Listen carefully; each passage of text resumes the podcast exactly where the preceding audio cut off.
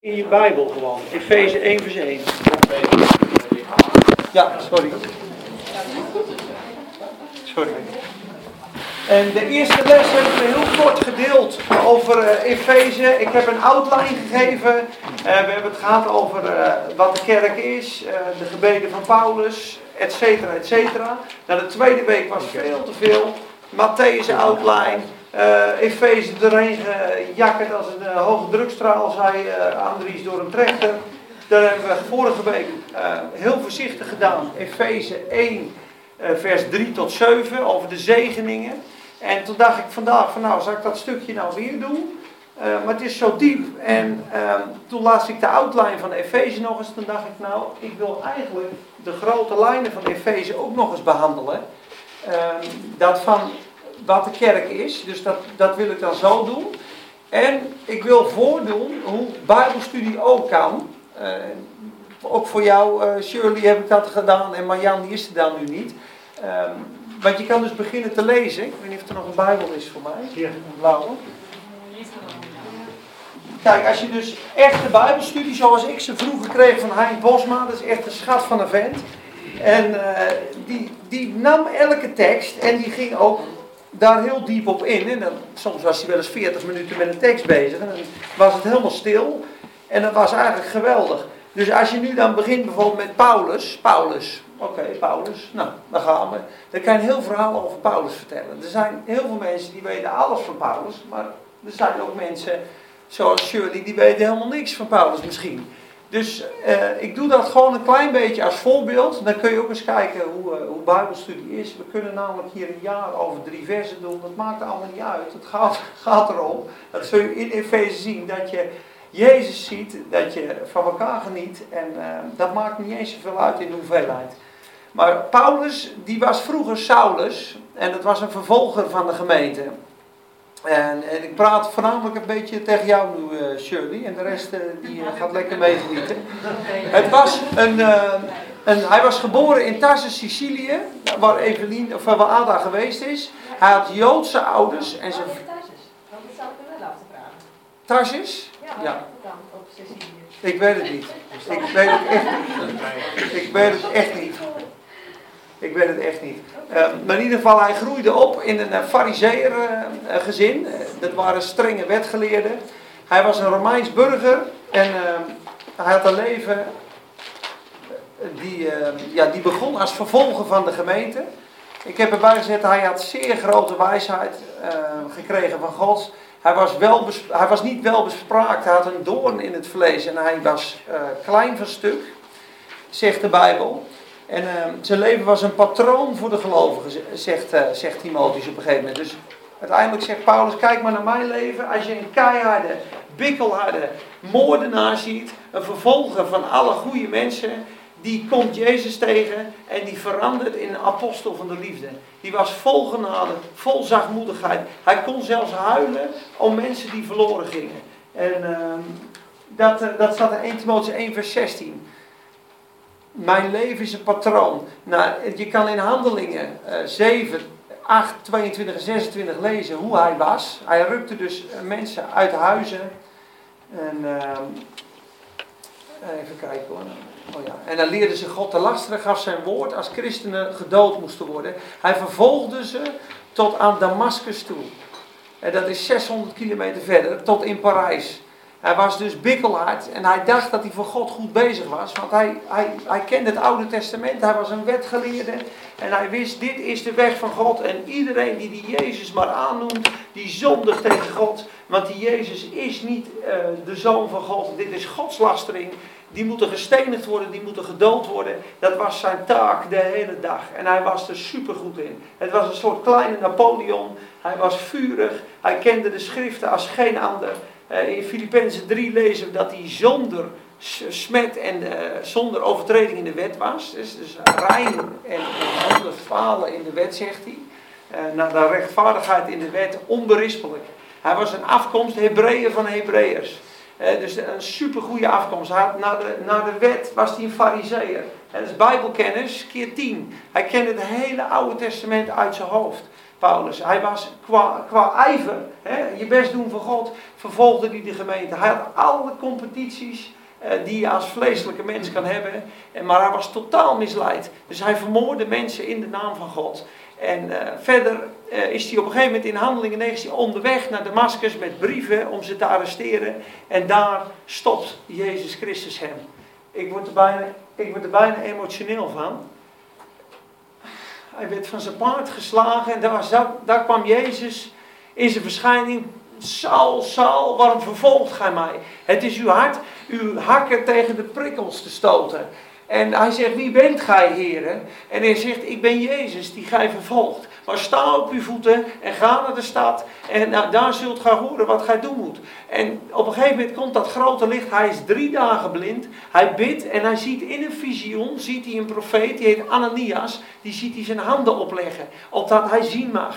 En de Heer, door zijn geest, in het boek Handelingen, spreekt tot de profeet Ananias en zegt... Ga naar de stad, de rechte, ga naar Saulus, leg je handen op, want hij bidt.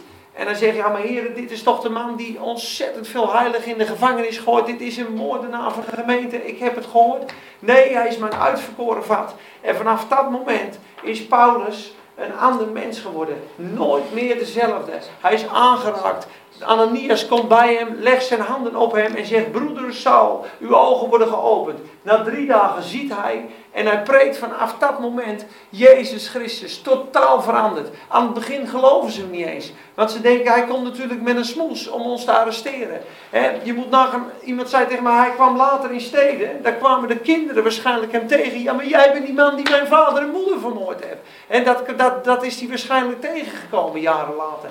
Hij stond te lachen toen Stefanus, we hadden het over Stephanie, Stefanus was de eerste martelaar in het boek Handelingen, die vol van de Heilige Geest was, die getuigde en die, ze deden vingers in hun oren en ze stenigden hem. En hij bad, Heer, reken deze zonde hun niet toe. Dat was de Heer Jezus in hem, die bad. En Paulus had een welbehagen aan zijn dood. Was een jonge vent in die tijd. En eh, hij, hij, hield de kleren vast van degene die hem stenigde. En uh, had een welbehagen erin. Hij, was, hij vond dat prachtig. Maar na de weg naar Damascus was hij voor eens en voor altijd veranderd.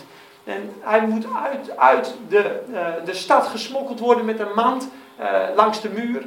En daarna is hij 14 jaren naar Arabië geweest. Daar heeft hij van God allerlei visioenen en openbaringen gekregen. Voor ook de dingen die we vanavond bestuderen. Die rijke inzichten zijn gegeven door, eh, door God aan Paulus. Die zijn opgeschreven. Daar, daar genieten wij vanavond van. En hij, hij, zegt, na 14 jaren kwam ik terug. Hij is drie jaar met Petrus geweest. En, en daarna is zijn bediening eh, begonnen. En verandert zijn naam van Saulus in Paulus. Dus dat is een Paulus in een vogelvlucht. Ik wierp in de gevangenis, in de synagoge liet ik gezelen. Toen het bloed van Stefanus, uw getuige, vergoten werd, stond ik daar ook bij en stemde in met zijn dood. En paste op de kleren van degene die hem doodde. En hij zegt aan het eind, ik ben immers de minste van de apostelen. Niet waard ben ik om een apostel genaamd te worden, omdat ik de gemeente van God vervolgd heb. Dat wist hij. Hij was zeer nederig. Als je het eind van het leven van Paulus ziet, dan denk je, dit is, dit is, als dit kan, zegt hij, dit is het patroon, dan kan het voor iedereen. Petrus, eh, Simon Petrus, een rietje, is, is, is uh, heel bewegelijk, weinig uh, fundament, staat erbij met een grote mond op, uh, hakt de oren eraf. Dat wordt Petrus de apostel, de rots van de gemeente. Johannes en Jacobus, de zonen van de donder, worden de apostelen van de liefde. Met andere woorden, wie Jezus tegenkomt verandert. Wordt een nieuw mens. En, en, en, en dat is geweldig. Nou, dan wil ik het tweede gedeelte van het vers en dan gaan we... Mag ik een vraag stellen? Ja. Over uh, Paulus, hè? Die was verkeerd. Wanneer ging hij uh, het evangelie delen? hij begon gelijk. Hij, hij begon gelijk. En daarna is hij een tijd teruggetrokken. Dus hij begon eerst te getuigen dat degene die hij vervolgde de Christus was. Daarna ben ik niet met vlees en bloed te raden gegaan. Nog ben ik gelijk naar Jeruzalem gegaan, maar ik ben naar Arabië gegaan voor 14 jaar. Ja, of hij daar ook gepreekt en geonderwezen heeft, dat, dat lijkt mij wel. Uh, maar hij heeft voornamelijk daar uh, van God natuurlijk, dat zegt hij in, in Galaten 1, vers 16. Toen het God behaagd heeft om zijn zoon in mij te openbaren. Ehm, toen, eh, vanaf dat punt. En dus ze zeggen, Paulus met al zijn kennis uit het Oude Testament heeft helemaal moeten detoxen. En, en die heeft in het aangezicht van Jezus heeft hij dit hele nieuwe verbond gelezen en gezien. Je zei net iets over drie jaar met Petrus, wat bedoelt hij daarmee? Dat zegt hij ook in Galaten 2. Wat zegt hij? Hij is 15 dagen, na drie jaar was ik 15 dagen met Petrus, de apostel, in Jeruzalem. Oh, na drie jaar. Ja, ja. Dus eh, hij heeft een hele lange tijd van voorbereiding gehad. Ja. En hij zegt, dat vind ik een essentieel vers, uh, Galaten 1 vers 11. Het evangelie wat ik preek is niet naar de mens. Ik heb het ook niet van mensen ontvangen, nog heb ik het geleerd. Maar het evangelie wat ik preek, dat heb ik ontvangen door de openbaring van Jezus Christus. Dus het evangelie is een openbaring van Jezus zelf. En dat zag hij. En dat mogen wij met onze geestelijke ogen gaan zien. Dus Jezus zien is het evangelie horen. Jezus zien, Jezus ontvangen, is groeien in het evangelie. Dus droge leerstellingen en stof, nou dat had hij zat als fariseeën. En ze kenden de hele Bijbel. Maar Jezus liep langs zijn een en ze, en ze gooiden stenen. Want ze hadden geen geest. En hun, hun hart is nooit open geweest. Dan kun je nou vers, uh, het tweede gedeelte in het vers is Paulus, een apostel van Jezus Christus, door de wil van God. En dat benadrukt u keer op keer in zijn uitverkiezing als apostel door de wil van God. Ik heb vijf teksten erbij gegeven, hij noemt dat vijf keer. En ik heb uh, gelaten erbij gezet, daar, daar is hij nog nadrukkelijker. Paulus, een apostel, geroepen, niet vanwege mensen, ook niet door een mens aangesteld, ook niet zelf aangesteld, maar door Jezus Christus en God de Vader. Want vandaag de dag, en in die tijd waren er vele valse leraren en ook valse apostelen. 2 Korinthe 11, valse apostelen die zich voordoen als engelen en dienaren van het licht, maar die zijn van Satan, waren er in die tijd. Openbaringen 2 vers 2 spreekt ook over valse apostelen. Self-appointed apostles. Ik, maar wat leren die dan, die valse apostelen? Ja, dat, dat kun je lezen, lezen in 2 Petrus, in Judas, dat is heel verschillend, dat is heel divers. De ene zal, zoals in Ezekiel 13 staat, zeggen tegen de onrechtvaardige, gij zult zeker leven, opdat hij zich niet van zijn weg zal bekeren. En de andere zal zeggen tegen de rechtvaardige, gij zult zeker sterven zodat hij bedroefd wordt. Zij maken het hart van de rechtvaardige bedroefd. Zij zijn als vossen in de woestijn. Zij zijn valse profeten. Ze hebben niks gezien. Dus de ene is extra wettisch en de andere is extreem genadig. En in, in Judas en 2 Petrus en door de hele Paulusbrieven heen zie je, ja, valse leraar, dat gaat in alle facetten. Maar je kunt ze dus wel herkennen. Nou, de apostelen heb ik hier gezegd. De ware apostelen, wat gezondenen betekent, zijn te herkennen aan hun volharding. En natuurlijk ook hun liefde, maar ik heb één tekst erbij gezet. De tekenen van een apostel zijn onder u verricht in al mijn volharding en in tekenen, wonderen en krachten. Dus een, een apostel, dat zie je ook in het boek Handelingen, die wandelt in de opstandingskracht van de Heer Jezus. En uh, nou ja, ik lees het boek Handelingen maar, dan zie je constant dat God deed grote wonderen door de handen van de apostelen. Hij deed ook wonderen door Stefanus, een discipel. Maar de apostelen gaven met grote getuigenis en kracht, uh, met grote kracht getuigenis van de opstanding van de Heer Jezus Christus. En in de schaduw van Petrus genazen alle zieken, staat er. En je ziet bij Paulus op Handelingen 28 dat het hele eiland Malta allemaal genezen worden. Dat is wel heel bijzonder. En handelingen 19, de gordeldoeken van Paulus, ik weet niet of je het wel eens gelezen hebt, zakdoeken, gordeldoeken, daar bad hij voor. Daar zat de kracht van God in. En ze brachten die doeken naar de zieken, of die mensen met demonen. En de demonen verlieten hun en de zieken werden gezond. Van zakdoeken, van gordeldoeken. Dus een ware apostel, die wandelt ook in wonderkracht. Goed. Ik heb erbij gezet, dat was een essentieel punt in de prediking van Paulus. Romeinen 15, 1 Korinthe 2, et cetera. Hé hey Chris, goedenavond. Nou, dan wou ik nog eventjes, uh, dat was wel leuk vorige keer, die uh, Efeze 1 vers 1, de discussie. Ik heb er uh, in gebed nog eens over nagedacht. Ik heb het Hier goed staat- nagelezen. Sorry. Hier staat er ook nog iets van, de dwaalleraars. Kijk, als ze de Heer Jezus niet leren, kan ook Ja, ja, hele mooie, ja. Ja, dat klopt. De tweede eh, Johannesbrief staat inderdaad heel veel ook over valse leraren. En de eerste Johannesbrief ook, antichristen. En ze staat, want er zijn veel misleiders in de wereld gekomen die niet beleiden dat Jezus Christus in het vlees gekomen is. Dat is de misleider en de antichrist. Ja. En iedereen die niet beleidt dat Jezus de Zoon is, heeft ook de Vader niet. Wie is hij die de Vader en de Zoon logent dan de antichrist?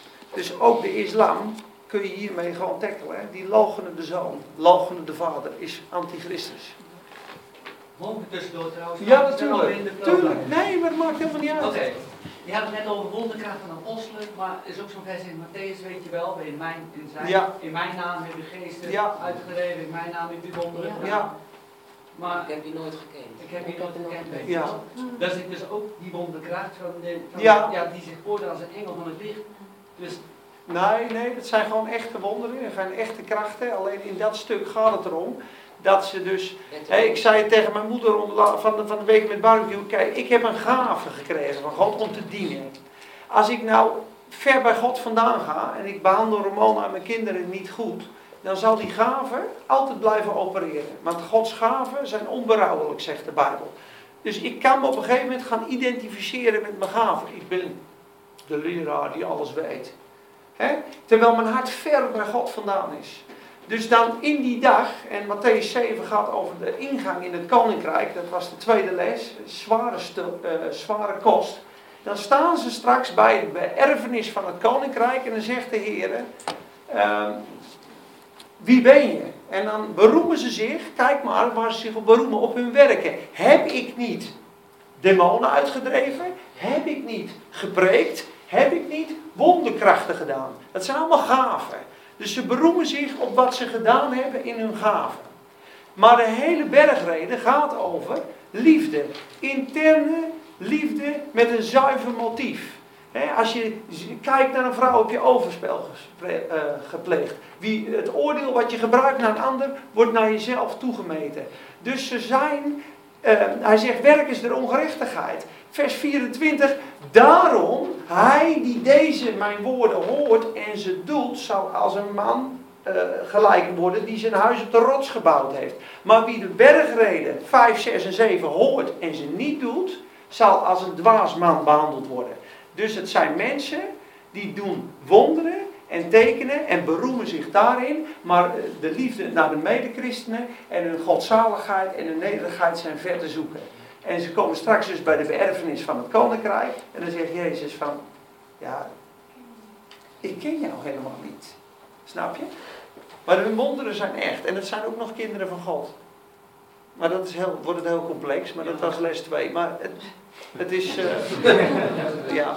Maar hij, zegt- hij zegt, ik ken je niet, maar... Ja, hij zegt eigenlijk, ik heb je nooit, ik heb je nooit geautoriseerd om dat zo te doen. Ik ken, ik ken je niet. Met andere woorden, je bent, weet je, hij zegt op een gegeven moment 2 Timotheus, wie mij verloochent voor de mensen, ik zal hem ook verloochenen. Dus met andere woorden, zijn levensstijl is niet meer in lijn met, een, met, een, met wat een christen behoort te doen. En hij verloochent eigenlijk de Heer Jezus op die manier. Dus het, het, het geheim van Matthäus is, het, he- het, het spreekt over het koninkrijk van God. Trouwens, we, Frans had vorige keer een, eh, vijf mensen met een woord. Op het moment dat we te ver afdwalen, zouden we een woord eh, verzinnen. Eh, ik ik voel dat we iets te ver afdwalen nu. Ik snap, ik snap het heel goed. Maar les 2, Matthäus, gaat over het koninkrijk der hemelen. En zijn christenen, zijn gewassen door zijn bloed, mogen opgroeien. En straks wordt er gekeken, hoe hebben we met onze talenten geleefd? Hoe zijn we met onze vrouw omgegaan? Hoe zijn we met onze financiën omgegaan? En dan kan je je niet beroemen, ja maar eh, ik heb toch 50 mensen bij de Heer gebracht? Ik heb toch bijbelstudies gegeven?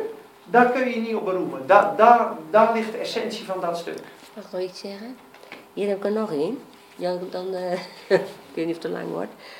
Maar hier staat de geest te beproeven. Ja. Geliefde, eh, geloof niet elke geest, maar beproef de geest of zij het God zijn. Want er zijn vele valse profeten in de wereld uitgegaan. Hieraan leert u de geest van God kennen. Elke geest die beleidt dat Jezus Christus in het vlees gekomen is, is uit God. Ja. En elke geest die niet beleidt dat Jezus Christus in het vlees gekomen is, is niet uit God. Ja, ja. Dus de- ja maar dus, dat is één van de tien, eh, van de tien soorten valse Ja. leringen hoor. Wat staat hier?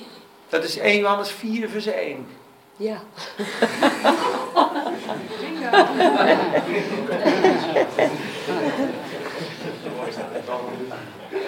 Maar die mensen hebben het niet gewoon, want Maar Jezus, Jezus zou eens gewoon zeggen, mijn werken herken ik niet in jou en daarom ken ik jou niet meer, omdat je niet door de Ja. werken die ik Ze gedaan hebben heb, heb geen je liefde en geen passie meer. Dus snap je dat ik, stel je voor dat ik haar tegenkom en zeg van ja, maar het is een ontzettende hoogmoedige, onvriendelijke, aardige jongen.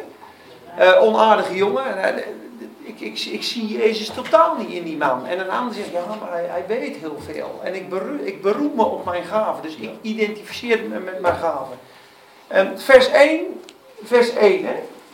De heiligen in Efeze en de gelovigen staat hier in, eh, in Christus Jezus. Nou, ik heb echt nagekeken. Er staat echt de getrouwen. Want het woord pistis is gelovigen, maar hier staat pistos, getrouwen.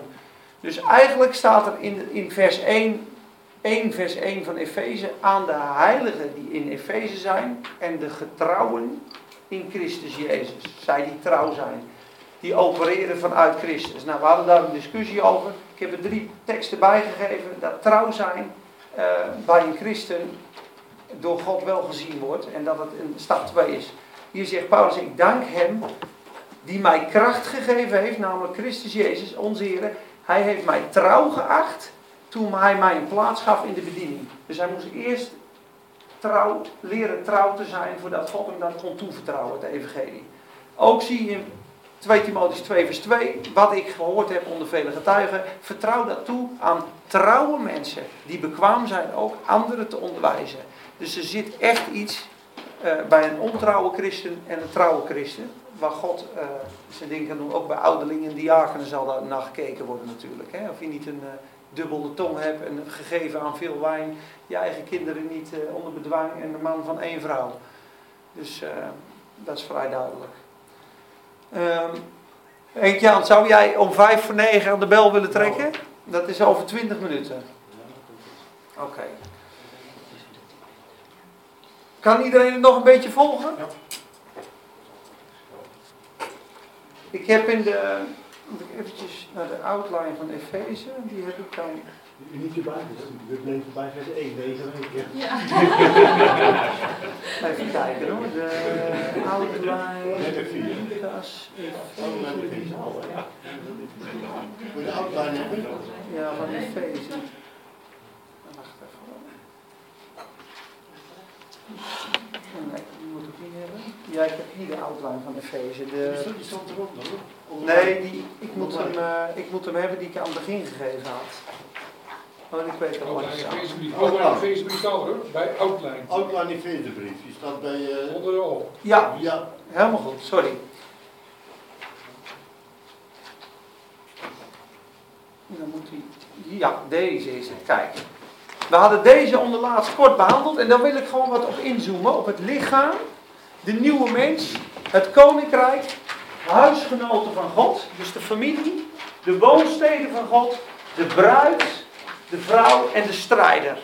Dit is namelijk, heb ik vanmiddag ook zelf eh, een stukje weer eh, mogen ontdekken, is essentieel. En ik was het aan het lezen, ik denk ja, dat, om de, goeie, om de Efezebrief goed te begrijpen, zouden we hier op in moeten zoomen. Eh, want dat laat ons zien wat Paulus bedoelt in hoofdstuk 1 en 2. Hè, Hij zegt in hoofdstuk 3 vers 4, als je hoofdstuk 1 en 2 leest, dan kun je begrijpen hoe diep mijn kennis is in het mysterie van God. Want ik heb in weinig woorden tevoren geschreven het mysterie, dat is hoofdstuk 1 en 2. En daar bespreekt hij heel veel geheimen en dingen van God die geopenbaard zijn over de gemeente. Nou, het lichaam van de gemeente is om iets uit te drukken. En wij hebben allemaal een lichaam. En iemand zei iets heel mooi. Kijk maar eens naar ons lichaam. Dat is helemaal ingesteld op liefhebben. Handen zijn om aan te raken, ogen, lippen. Het lichaam is gemaakt om lief te hebben en om iets uit te drukken. Als je de gezichtsuitdrukkingen van mensen kijkt, dan zijn er miljoenen. Het leven wat hier binnenin is, daar hebben we een lichaam voor om daar een uitdrukking aan te geven. En zo wil God met de gemeente, dat is een lichaam, uitdrukking geven door dat lichaam heen. Dus daarom zegt hij ook, de wereld die kan Jezus door jullie heen zien. Dat is de wil van God. Dat, ze, dat je als je liefde onder elkaar hebt, dat je waarlijk mijn discipelen bent, dan zal de wereld zien dat God mij gezonden heeft. Dat is het lichaam. En we zijn leden van elkaar. We hebben elkaar nodig. Als, als deze arm er nu afgehaakt wordt, dan denk ik dat ik over vijf minuten hier neerplof. 15 seconden waarschijnlijk al. En eh, ook zegt Paulus dat in 1 Korinthe, is Christus dan in stukken verdeeld. Want één zegt, ik ben hervormd. De ander zegt, ik ben oud gereformeerd. Die zegt, ik ben evangelisch. En die zegt, ik ben charismatisch. En dat is precies in die tijd. Ik ben van Petrus, Paulus, Apollos. En die anderen waren nog hoogmoediger. Die zeiden, wij zijn van Christus. Wij zijn van Christus. Wij zijn de ware. En dat had je toen ook al. En eh, hij zegt, ik wil dat jullie hechten aan één gesmeed zijn. En als je Romeinen 12 ook leest, dan zie je dat de, de leden van het lichaam elkaar nodig hebben. En dat wil als eerste uh, zeggen dat het lichaam is de vervulling van hem die alles vervult. En uh, ik ga, sla dit stukje even over, want het is een beetje ingewikkeld. Dat kan je gewoon thuis lezen over de rijkdommen. Dat is eigenlijk wat ik nu mag delen, dat zijn rijkdommen. Op het moment dat je dit hoort en je neemt dit in je en het wordt een deel van wordt de rijkdom de volheid. En dan wordt het een deel van ons. En zo is het als wij samen de, rijke, de rijkdom van Jezus tot ons nemen, dan wordt dat een deel van ons. En dan gaat het groeien. En dan worden we de volheid van Christus. En dat zegt hij dus aan het einde. De gemeente die zijn lichaam is, is de vervulling van hem die alles in alle vervult. Dus wij zijn de volheid van God. Kan je niet bij met je hoofd. Maar die rijkdommen zijn dus ook gaven en talenten. Ja, van wie je bent. Geestelijke rijkdommen, geestelijke gaven, erfenis in Marie, erfenis in Gerry. Die, die gaan we straks in de groepjes delen. Daarom gaan we in groepjes. Je zal horen wat, wat iemand te delen heeft. En dan denk je, nou, dat, dat heb ik nog nooit zo bekeken. Want die heeft andere gaven. En zo kom je samen tot een collectief uh, ja, eten van Jezus noemen ze dat. Klinkt een beetje uh, de piep, maar uh, dat, is, dat is wat God bedoelt de boom des levens en het avondmaal. Mijn vlees is waarlijk spijs. Nou, dan sla ik deze even over. Die kan je dan thuis lezen. Eén nieuwe mens. Eh, in het hele universum waren de Joden, dat was het volk van God. Die waren eigenlijk geselecteerd om te laten zien dat God leefde. Opdat de rest van de wereld zou weten wie God was. Nou, ze werden hoogmoedig en ze dachten eigenlijk, wij zijn exclusief. En de wereld zijn heidenen en honden. En daardoor is het evangelie naar de heidenen gegaan. En Romeinen 11 zegt, als de val van Israël dan de zaligheid der wereld is, wat zal de wederopstanding van Israël dan betekenen? Um, God heeft het Joodse volk en de christenen, de heidenen, in één mens, één nieuwe mens, in Christus geschapen. Dat is een heel geestelijk iets, daar heb je openbaring voor nodig. Dat kan je in je binnenkamer aan God vragen. Ik kan het je niet leren. Ik kan het je ook niet geven, ik kan het je alleen zeggen. Eén nieuw mens is niet te begrijpen dat God één, één mens ziet op aarde, Christus. Eén nieuwe mens. Dus dat, daar zie je weer het geheel. En die mens heeft een persoonlijkheid. En dat is Jezus zelf. Dan kom je, Efeze 2 vers 19. Dat zegt hij dan tegen de heidenen. Zo zijt gij dan niet meer vreemdelingen en bijwoners, maar medeburgers van de heiligen en huisgenoten van God. De medeburgers spreekt van een koninkrijk. En de huisgenoten, dat is het volgende, is de familie van God. Wij zijn familie en we zijn een koninkrijk. Het koninkrijk heeft regels en verantwoordingen. En daar is Jezus aan het hoofd. In een koninkrijk wordt ook gewerkt. Er zijn andere regels als ik bij jou in de zaak werk, uh, Chris, dan zal je anders met mij omgaan als dat dus uh, in de tuin bij jou zit barbecuen als familie. En we hebben ze allebei. Dus de kerk is een familie, samen delen, samen lachen, samen eten. Maar er is ook een tijd van uh, samen werken, samen strijden onder het gezag van de Heer Jezus. En bij het koninkrijk zitten rechten, maar ook hele grote verantwoordelijkheden. En die hebben wij. En als je in een koninkrijk, kingdom betekent king dominion. Dus de koning domineert. Christus domineert. Christus is het allerhoogste gezag. En dan zie je in openbaring Jezus als zijn majesteit. Als in zijn kracht. Dan zie je Johannes de apostel als dood neervallen voor zijn voeten. Dat is ook Jezus, de opgestaande met ogen van vuur en, en, voeten van brons. En zijn haar is wit als wol en zijn stem als vele wateren en als donderslag. Dat is Jezus, de opgestaande, de majesteit. En die komt op een gegeven moment, die barmhartige, liefdevolle Jezus die zijn bloed gegeven heeft voor de wereld. Die heeft ons gekocht en betaald met zijn bloed. Die gaat op een gegeven moment de zegels openen in openbaring 6. Of voor het oordeel van de wereld. Dus alle mensen die Jezus af blijven wijzen, die willens en weten zeggen: Ik wil niet bij God horen. Ik weet eigenlijk hoe het zit, maar ik verwerp het. Ik heb de ongerechtigheid lief. Ik leef in de leugen. Daar zegt God op een gegeven moment van 2 Thessalonicenzen: God zal hen zenden een kracht der dwaling, opdat zij de leugen geloven. Want zij hebben een welbehagen in ongerechtigheid en hebben de waarheid van de liefde niet aangenomen, waardoor zij gered hadden kunnen worden. Daarom is dit hun geschied, opdat God hun oordelen zou. Met andere woorden, als je spelletje speelt met God en de waarheid onderhoudt in ongerechtigheid, dan zegt God op een gegeven moment: Wil je een spelletje spelen? Ik zend je kracht der dwaling, opdat je de leugen gelooft. Dan laat, dan laat God je op een gegeven moment los. En dat punt, als dat bereikt wordt, dan, dan gaat de barmhartigheid van God draait om in de toren van het lam. Nou, dan wordt het heel spannend. De toren van het lam is, hij is waardig om de zegels te openen van het boek. Waarom? Omdat hij geslacht was. Hij heeft er alles aan gedaan om de mensen te redden. Hij heeft zijn bloed uitgestort, zijn woord, zijn geest. Hij heeft voor ze gebeden, hij heeft de genadetijd gegeven en op een gegeven moment is het over. En dat offer, dat is afgewezen, maar er moet een oordeel plaatsvinden. En dat oordeel was op Jezus, maar de mensen die het niet aannamen, dan zegt God, hij is waardig om te oordelen. En dan komt de toorn van het lam.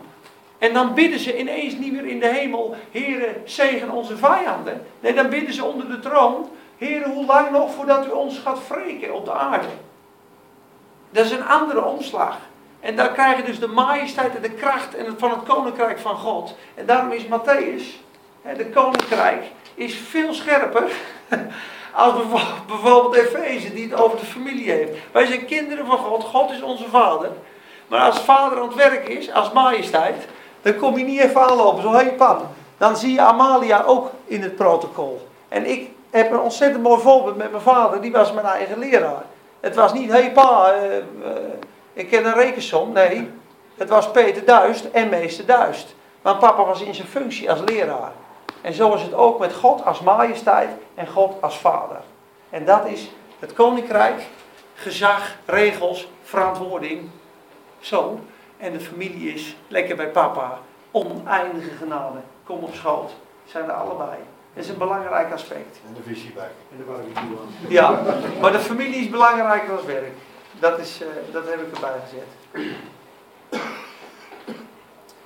Dan zijn we Efeze 2, vers 20 tot 22, dat is de afsluiting van hoofdstuk 2, is een zeer diep vers.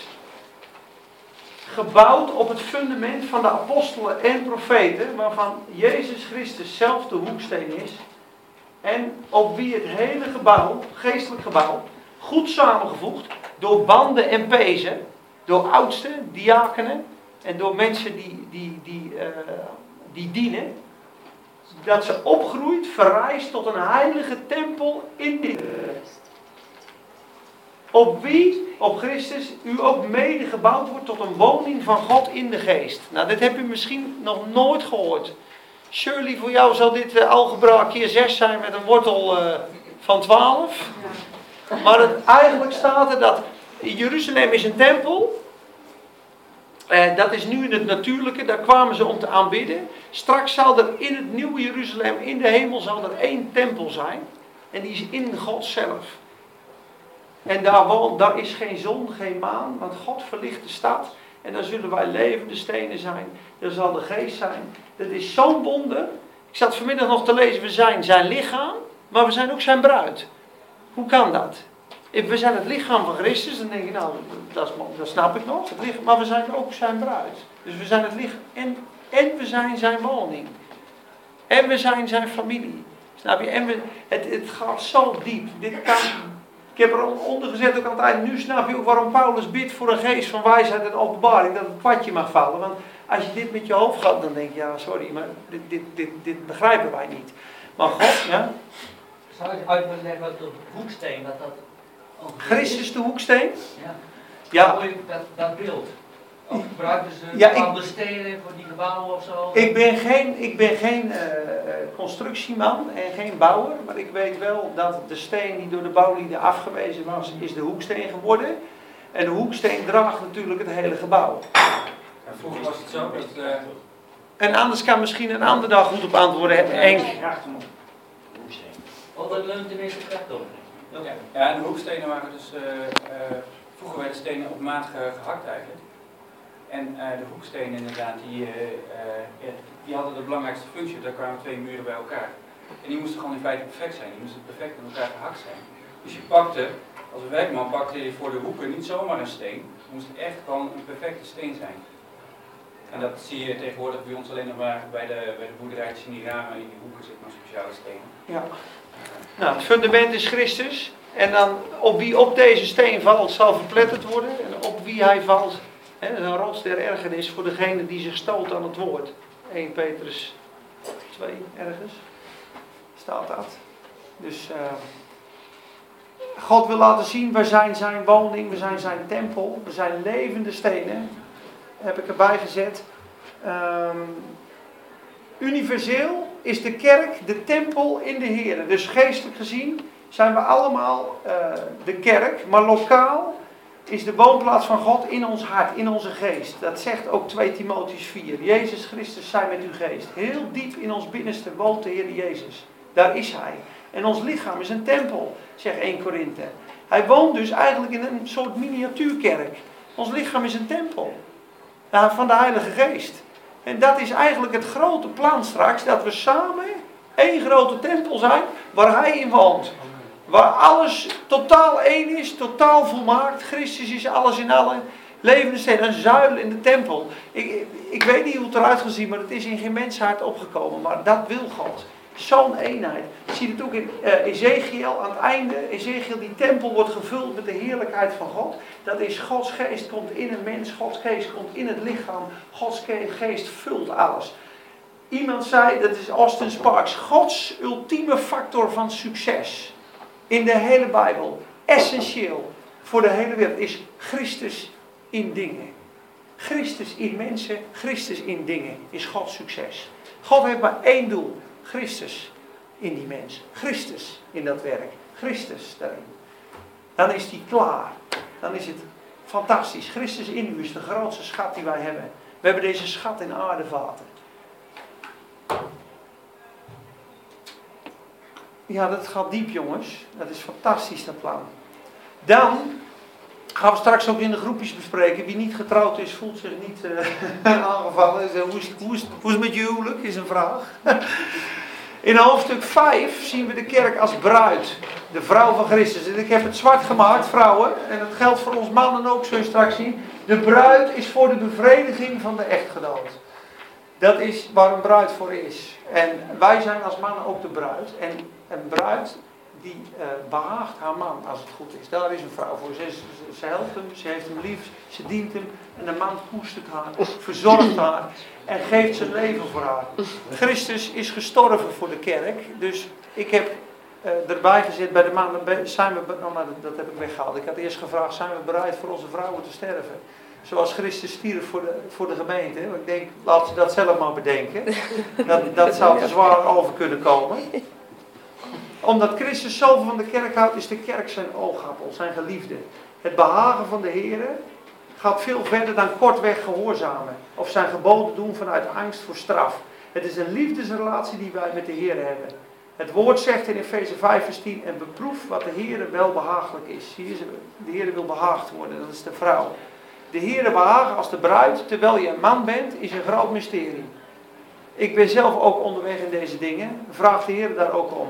Wat ik wel weet is dat het onmogelijk is zonder geloof God te behagen. En dan 3 Johannes. Ik vind geen grotere vreugde mijn kinderen in de waarheid wandelen. Daar behaag je God mee. Romeinen 12, heel belangrijk. Het toewijden van ons lichaam als een levend offer voor God. Dat is heilig en welbehagelijk voor God. Nou, daar kun je bijna de slaapkamer in zien. Als je je lichaam aan elkaar geeft, dat is welbehagelijk en dat is heilig en mooi. En zo stel je je lichaam als de bruid voor God. Dat is welbehagelijk voor God. Vers 3, zeer rijk. Eh, in Romeinen 12, vers, eh, vers 2 en vers 3. Eh, als je dus overgeeft aan God, je lichaam, dan eh, dan komt de Heilige Geest en dan zegt hij, dan moet je ver- vernieuwd worden in je denken. Word niet uh, gemetamorfoosd, staat er, met de systemazo, met de syste- systemen van deze wereld. Maar word veranderd in je denken, opdat je mag begrijpen wat de goede, volmaakte en welbehagelijke wil van God is. En dan gaat vers 3 verder, wat de goede, welbehagelijke en volmaakte wil van God is. En dan praat hij weer over het lichaam. Praat hij weer over samen één. En dus het Gods perfecte wil, Gods welbehagelijke wil, is één lichaam, is samen een familie.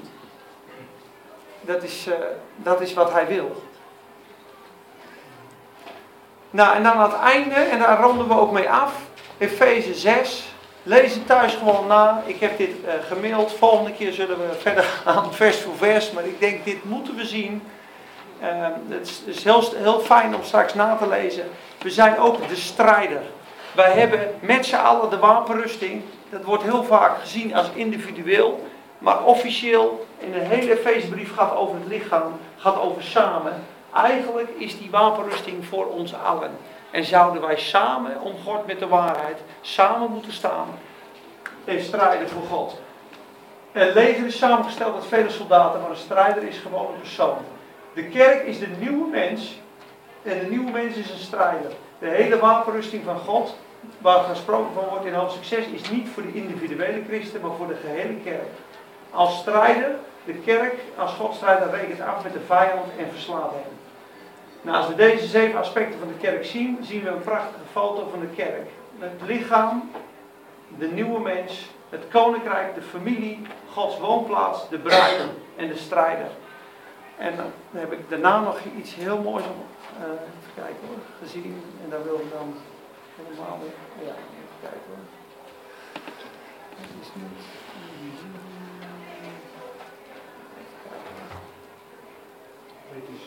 Ja, het is drie van negen, we stoppen ermee. Oh ja, hier, dit, dit stukje.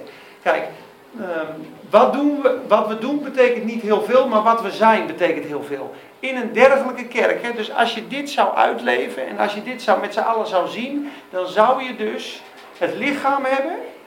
Dan zie je dus Christus uitgedrukt.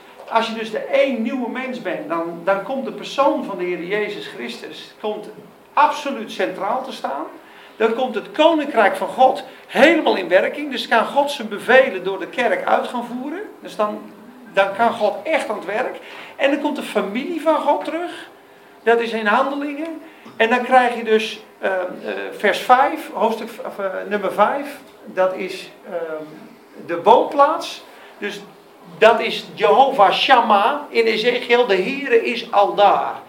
Dat is het einddoel. Nou, dan, dan, dan kom je heel dicht bij Gods ultieme droom en plan. En ik denk, als je daar al van droomt, hoe dat zou kunnen zijn, dat dan de bruid en de liefde en de blijdschap is, dan, dan kan God zijn bevelen uitvoeren, dan is de broederliefde, dan stralen we Jezus uit en dan woont Hij in ons midden. Nou, dat, dat is wat het volk is, dat God als plan had met het volk Israël. En daar wou ik het bij laten. Dat is... Uh, een diep plan in Efeze. Ja, we mogen naar streven. Ik ken dat het door was. Na de pauze.